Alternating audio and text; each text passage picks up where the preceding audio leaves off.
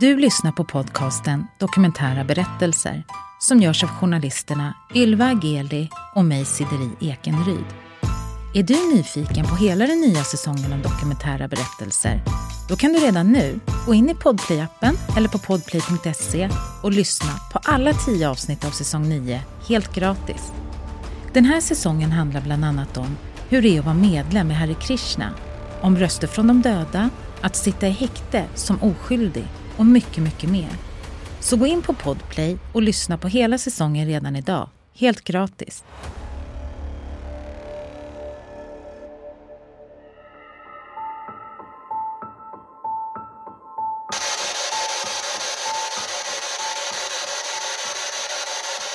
Kan någonting komma och ta på den gröna lampan? Joel, som det här avsnittet handlar om, är på Soldattorpet i juli 2017. Det är en röd liten stuga som en gång var ett soldattorp. Joel ställer en fråga ut i tomma intet. Kan någonting komma och ta på den gröna lampan? Gröna lampan. Gröna lampan. Joel är ensam på platsen, men visst låter det som att en man säger lampor i inspelningen? Är det så att han har fått svar på sin fråga? Och i så fall av vem? Det här avsnittet ska handla om ERF, elektroniska röstfenomen. Det kan förklaras som ett paranormalt fenomen där man med hjälp av inspelningar upptäcker röster, viskningar eller fraser från en källa som inte syns. I avsnittet pratar vi även med Etzel Cardenja, forskare och professor i psykologi vid Lunds universitet, om vad vetenskapen har kunnat visa om ERF. Det are sounds that seem to be voices or that sound like voices that are heard through electronic equipment and whose source is not clear or not determined.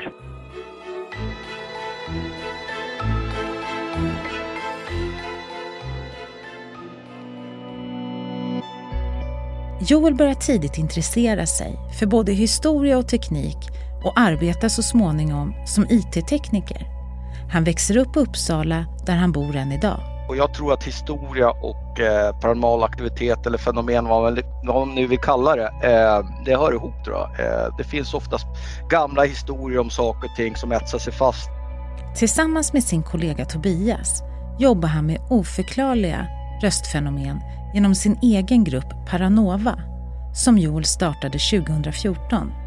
Varför vi håller på med det här, det är ju för att försöka eh, få någon typ av eh, vad ska man säga, eh, vetskap om vad det är människor upplever som som, som de upplever paranormalt helt enkelt. Vad är det de upplever? Är det, finns det logiska förklaringar eller är det någonting som är paranormalt som vi inte kan svara på? Eh, och det, där väcktes ju idén då, att skapa den här gruppen och fortsätta. Eh, så ja, tanken är väl egentligen vad är det vi kommunicerar med helt enkelt. Det, det är väl egentligen den, eh, vad ska man säga, inriktningen som eh, jag hade från början och som vi fortfarande har. Men vi är inga Ghostbusters eller spökjägare utan vi kallar oss, eh, och det kan man ju tycka man vill om, paranormala utredare. Men skillnaden mellan oss och många andra grupper det är att vi försöker ju ta reda på vad det är, vad eller vilka är det som, som kommunicerar med oss. Vi försöker alltså lösa, eller ska säga, räta ut frågetecken till utropstecken om man vill säga så.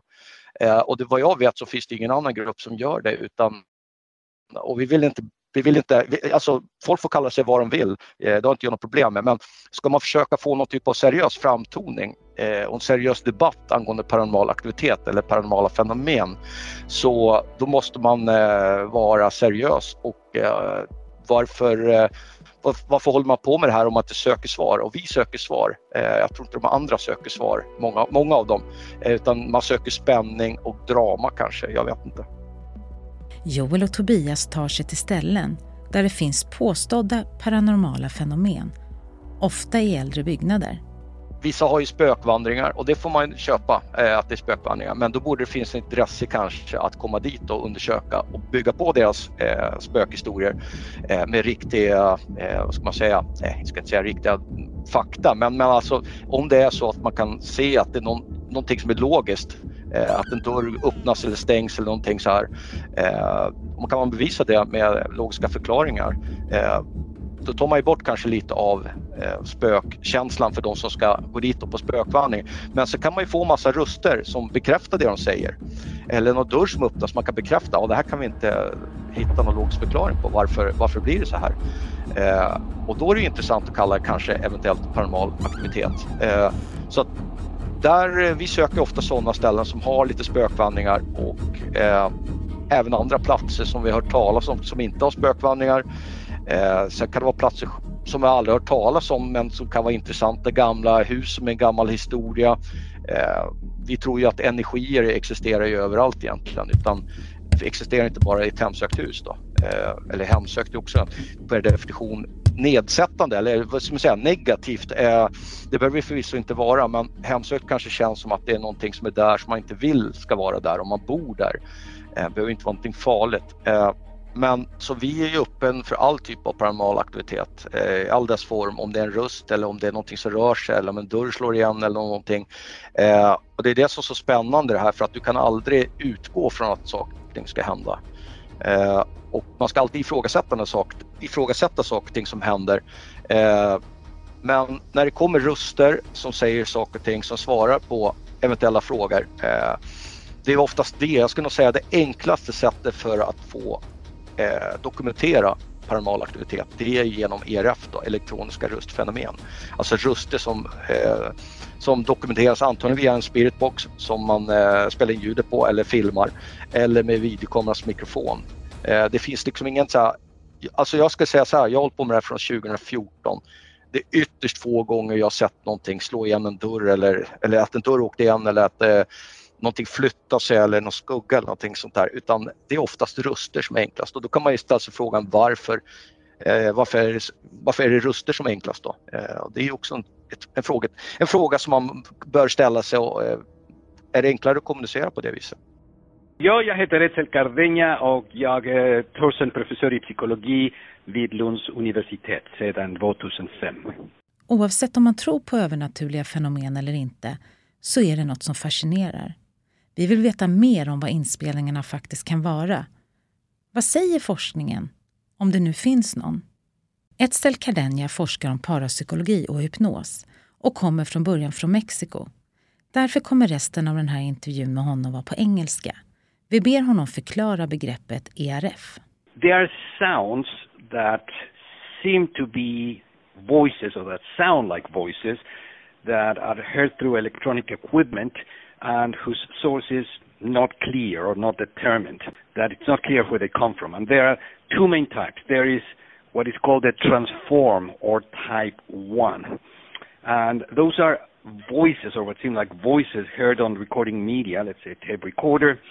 Uh, and after a person recorded something and plays it back, there seem to be voices there.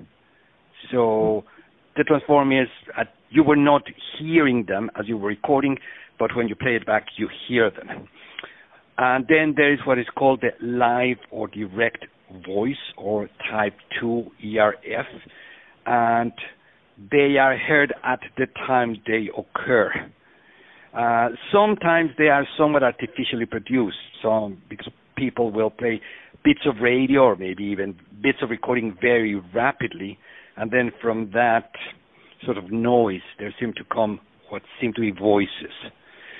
Uh, in addition to these two types that have to do with some type of recorded media, recording equipment, uh, there are related phenomena, such as reports uh, that some people have that when they were called on the phone, they picked up the phone and they heard the voice of someone they knew uh, was dead.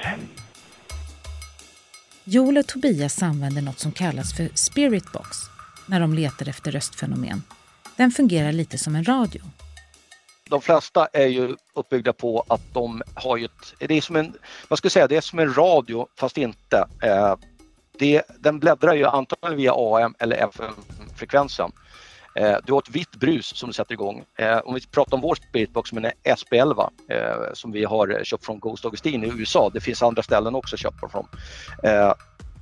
Den kan man ställa in, först när du startar den så är det ett vanligt brus bara, det händer ju ingenting. Och sen kan du sätta hastighet på den, hur snabbt ska den bläddra bland kanalerna i det vita bruset. Och då har du allt från 50 millisekund till 250 tror jag Och vi brukar köra på 150 och det är ganska normal fart, ganska snabb fart ändå.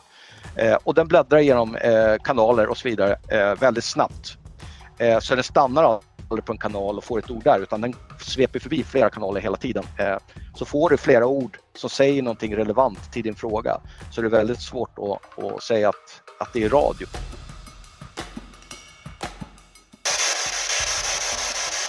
Kan någon komma och sätta sig på stolen? Vi hör ytterligare en inspelning från det röda soldattorpet utanför Stockholm.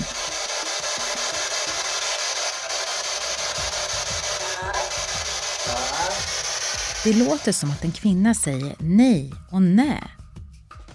Precis innan har Joel frågat ut i luften. Kan någon komma och sätta sig på stolen?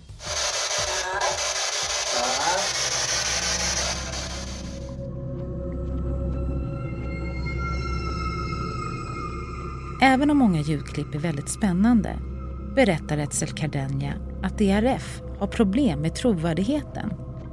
Det finns helt enkelt många alternativa förklaringar.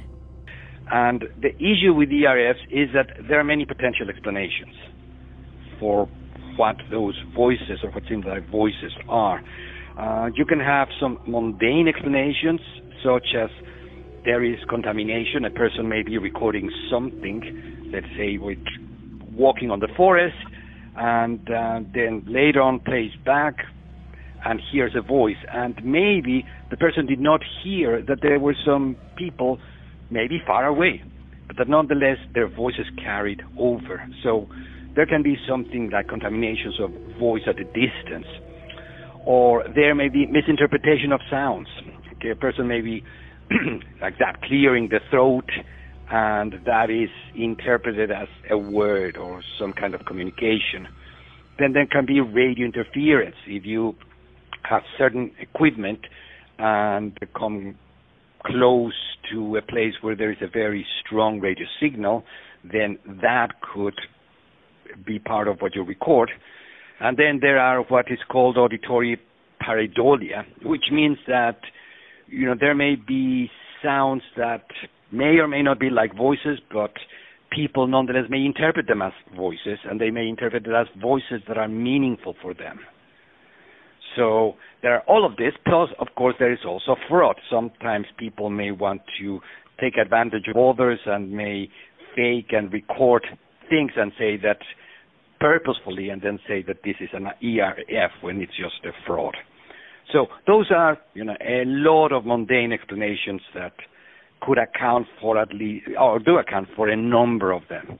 Whether they account for all of them is, a, is an open question, but they can account for a number of them. Then there are two anomalous explanations, um, or psychological explanations, if you will. The first one is that the voices are what some people, or many people who devote their time to this, believe they are, that they are voices from the dead who are somehow communicating. And uh, there is a second type of anomalous explanation, which is called psychokinesis, and uh, that has to do with the ostensible ability to affect matter just by your will, by your intention. And so the the rationale or the hypothesis behind that would be that a person may be able to affect directly just by intention recording equipment. Uh, so you have, you know, a, a, wide variety of potential explanations, and this this is something that your listeners must must be aware of, because it is not as if, well, it's true or it's not true. Uh, things are not nearly as simple as that. Ett poddtips från Podplay. I fallen jag aldrig glömmer djupdyker Hasse Aro i arbetet bakom några av Sveriges mest uppseendeväckande brottsutredningar går vi in med hemlig telefonavlyssning och, och då upplever vi att vi får en total förändring av hans beteende. Vad är det som händer nu? Vem är det som läcker? Och så säger han att jag är kriminell, jag har varit kriminell i hela mitt liv men att mörda ett barn, där går min gräns. Nya säsongen av Fallen jag aldrig glömmer på Podplay. Så vad tror Joel själv att det kan vara för något som de lyckas fånga upp på ljudinspelningarna? Han är själv inte religiös, men tror att det finns någonting som är större. Alltså jag tror det finns jordbundna energier, det är energier som vi tror existerar här i vår värld fast vi ser dem inte. Eh, och eventuellt inte hör dem heller hela tiden. Eh, varför de finns kvar, det är en jättebra fråga. Sen tror jag att det eventuellt kan finnas parallella världar eh, som ibland när det kanske vi krockar med varandra på något sätt och det är kanske då vi kan kommunicera. Eh, de säger någonting, de hör oss och vi hör dem och vi frågar saker och ting. Eh, vet ej, eh, kanske där också skuggor som folk eventuellt ser. Kan det vara kan det vara liksom skuggor från en annan parallell värld? Alltså människor eller vad det nu kan vara, väsen och vad det är för någonting som vi ser inte dem men vi ser lite av dem och då blir det som en skugga och vi kanske är en skugga för dem. Så jag tror att vissa kan se och höra oss, vissa kan höra oss bara. Eh, och vilka kan göra vad då? Eh, jag tror jordbundna energier, eller vi tror jordbundna energier, de kan både se och höra oss. Eh, om det nu finns någonting i en parallell värld eller, eller i en annan tidsdimension, eh, det är jättesvårt att svara på. Jag, då kanske de bara hör oss. Jag bara spekulerar nu, jag, jag, jag vet inte. Men de kanske bara kan höra oss genom ljud. Så de kan inte se oss. Men jordbundna energier tror vi, de kan både se och höra oss.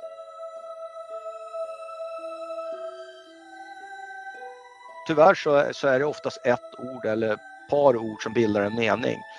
Och varför är det det? Ja, ska jag spekulera igen. Eh, är det våra, är det vår utrustning på den här sidan som eh, inte är tillräckligt bra för längre kommunikationer? Eller är det någonting på den andra sidan? Jag vet inte vad andra sidan är nu men nu använder det ordet ändå. Eh, vad, ja, vad är det som gör att vi inte kommunicerar längre ord? Eh, är att det synkar vi ibland eh, med varandra så att vi eventuellt kan höra varandra och kanske se varandra också eh, som skuggor eller vad det nu kan vara för någonting. Eh, det är jättesvårt. Jag, jag, tror att vi har fått som mest sju ord som bildar en mening och ett svar på vår fråga. Eh, och det är nog det längsta tror jag, sju ord. Eh, jag tror vi går runt, jag tror det här på Alborgen, vi går runt och, och säger hallå, hallå, eh, för vi försöker få någon som ska svara hallå tillbaka då. Och om jag inte minns helt fel så är det en kvinna som säger väldigt tydligt, eh, jag har redan svarat och sagt hallå. Det är ju relevans, att jag har redan svarat och sagt hallå eh, ja, ja, hallå. Så att vi vill ju, ja, då vill vi ju prata vidare men, men eh, återigen då så försvinner frekvenserna och äh, de kanske kom tillbaka senare med några andra ord som inte vi vet om men där är det någonting som kommunicerar, där är det någonting som är intelligent som svarar tillbaka. Man ska berätta en annan sak just om här hur vi kommunicerar. Så när vi går in i ett hus så tror ju inte vi att alla energier eventuellt finns i huset. Utan när du börjar kommunicera så sätter du typ upp en skylt så här, hej, vi försöker kommunicera. Och då tror vi att energier från andra ställen, andra hus eh, som inte är i närheten kanske märker att någonting sker där och man tar sig till det här huset för att vi ropar ju, hallå, finns det någon här? Eh, och då tror vi att vi kan locka till oss Ungefär som man skulle ställa sig ja, på torget eller i skogen och ropa hallå och till slut är det någon som hör, vad, vad vill du för någonting? Eh, lite, lite så tror vi att det funkar. Sen naturligtvis så kan det finnas jordbundna energier, alla de där är jordbundna energier. Men de som finns i huset, eh, det kan ju vara energier som har bott där en gång i tiden men du kan också locka till dig andra energier som bott någon annanstans i närheten som hör att vi försöker kommunicera. Och den här flickan kan ju vara en sån eh, energi. Det behöver inte ha någonting med platsen att göra. Men just det här ryktet om att, att hon ska bli instängd, men vi vet inte om hon har dött. Men så hör vi en flicka som ropar hallå eller hej. Eh, ett plus ett blir två oftast. Men här, i det här fallet så vet vi inte. För vi, vi har inte fått någon bekräftelse på det men det är intressant att, att hon säger hej liksom. Och det är inte ofta vi får, tack och lov då, eh, barnröster som säger något. Enligt Etzel Cardenia bedrivs ingen vetenskaplig forskning om ERF just nu. Han betonar att han själv inte är expert på fenomenet men följer noga andra forskningsinstitutioner om parapsykologi. Förmodligen beror det på att det inte finns några övertygande bevis för att ERF skulle vara röster från de döda. Why aren't more people in universities working on this? Uh, the answer is simple because there has been, uh, and this is even in the house of a very sympathetic author like Mark Leary, there has been no strong evidence, no compelling evidence that ERF um, is really showing that there is evidence for disconnect dead people communicating. So in a university, typically when you, you could you could end up researching thousands, if not millions, of different things, and you have to choose what you are going to do work on. And first, if you think, well, there is not much good evidence for that, you would probably not spend a lot of time working on that. And second, even if you said, well, yes, this may be something that is worth spending some time on, it is a kind of topic that is usually not well regarded in most universities. So if you're a psychologist, if you're a physicist, and you say you want to do work on, let's say, decision making, nobody will bat an eye. Bat an eye. Nobody will be amazed. Uh, but let's say you are a psychologist in, and you do not have my position where I can do that.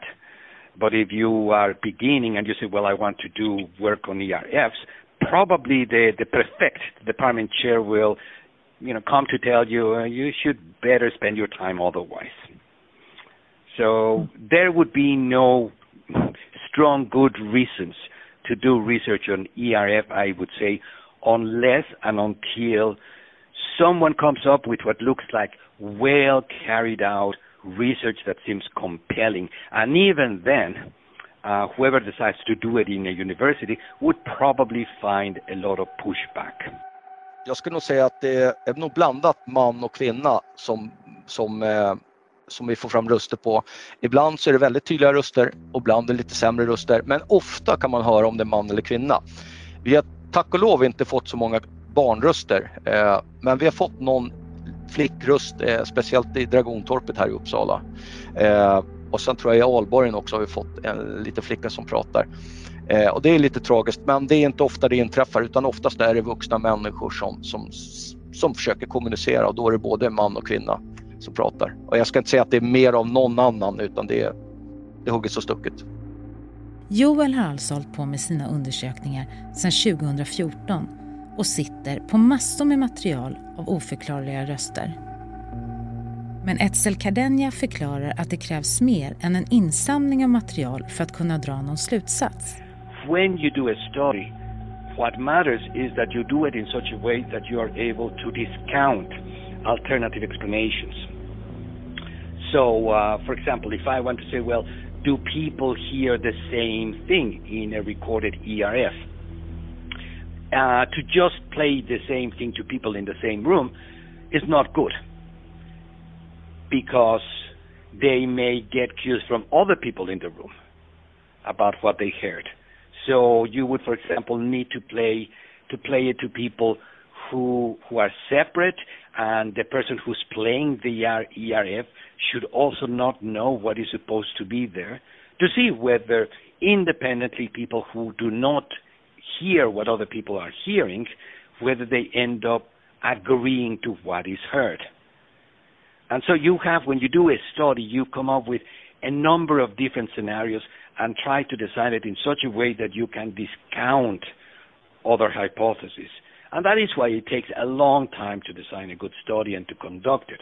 To do research, you would need to, you would need to then design something that can discount alternative explanations so that you could say, well, yes, this voice, we can discount that it comes from contamination of sounds or people imposing their interpretation of other sounds and that the voices are what people claim they are, that they are, for example, answering questions in a meaningful way.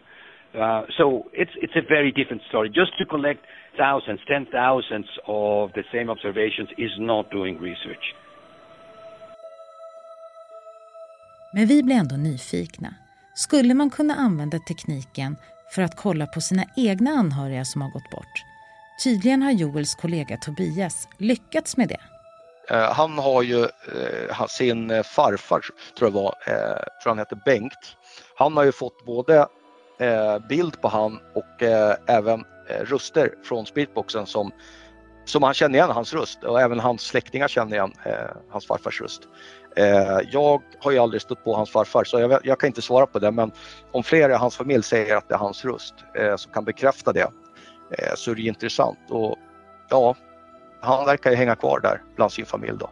Eh, så det, det är nog det enda som jag stött på eh, för att åker man ut till slott och herrgårdar jag vet ju inte vad Kalle Kula, hur han låter när han pratar. Eh, eller Gustav Vasa eller vad det nu kan vara. Så det är jättesvårt att veta om det är han som kommunicerar eller om någon annan som kommunicerar är hans... Alltså låtsas vara han eller... Så det är jättesvårt det där. Det, jag, jag skulle säga så att det är ytterst sällan man kan höra eh, någon, som jag i alla fall varit med om, höra att det är någon som en förälder eller en vän eller bekant eller vad det nu kan vara som svarar.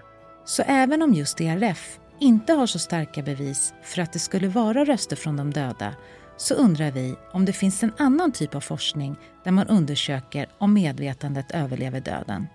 There are two things that I would think that I would point out. The first one is that I think there are areas that have at least at this point have shown stronger evidence than ERF for the possibility of survival. Notice that I don't say for the certainty, I say for the possibility of survival. So you can do research, for example, on what is called mental mediumship, in which people experience that they are communicating with the dead and can come with information. And the vast majority of mediums may may end up helping people, but do not bring out information that is very precise.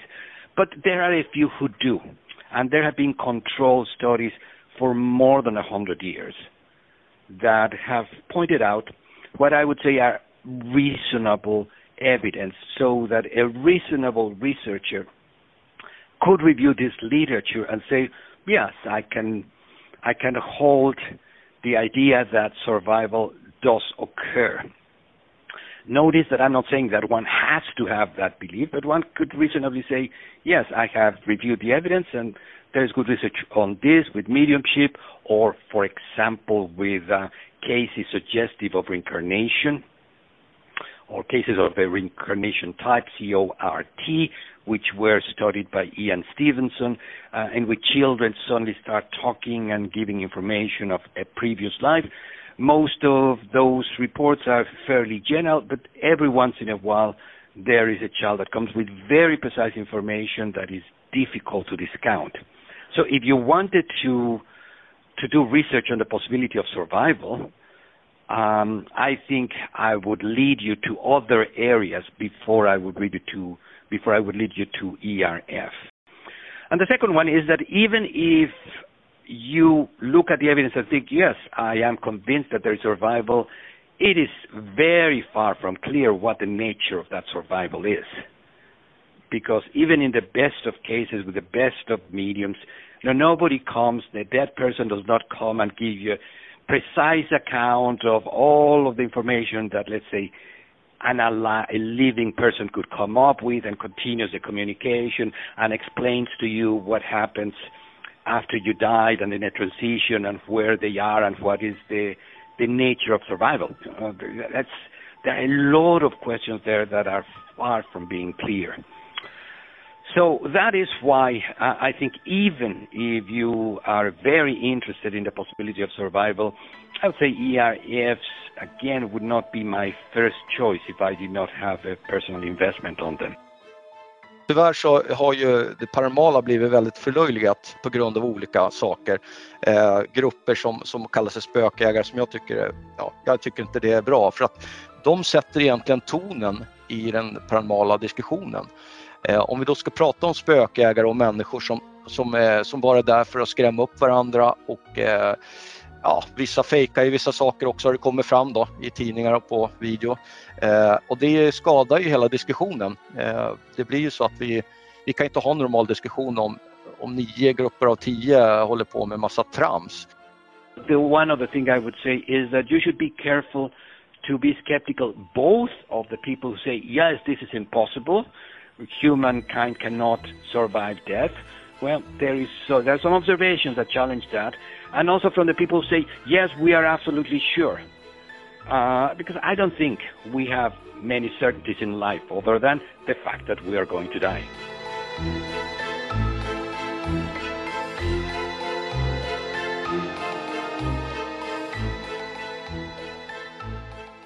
I nästa avsnitt Det bara lyft, alla problem bara lyftes av mig. Och timmarna bara swish. Alltså jag kunde stå i 12 timmar utan att liksom ens gå på toa eller ta en smörgås. Emilia delar med sig av sin historia om hur konsten räddade hennes liv. Och glöm inte att alla avsnitt av säsong 9 finns ute redan nu, helt gratis på Podplay. Och vill du komma i kontakt med oss som producerar den här podden och dela med dig av din livshistoria, mejla oss då på kunskapsstudion gmail.com.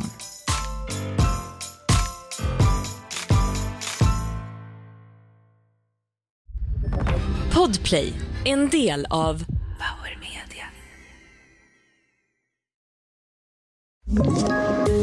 Poddtips från Podplay. I podden Något Kaiko garanterar östgötarna Brutti och jag, Davva, dig en stor dos skratt. Där följer jag pladask för köttätandet igen. Man är lite som en jävla vampyr. Man har fått lite blodsmak och då måste man ha mer. Udda spaningar, fängslande anekdoter och en och annan arg rant. Jag måste ha mitt kaffe på morgonen för annars är jag ingen trevlig människa. Då är du ingen trevlig människa, punkt. Något Kaiko, hör du på Podplay. Därför är gardinerna.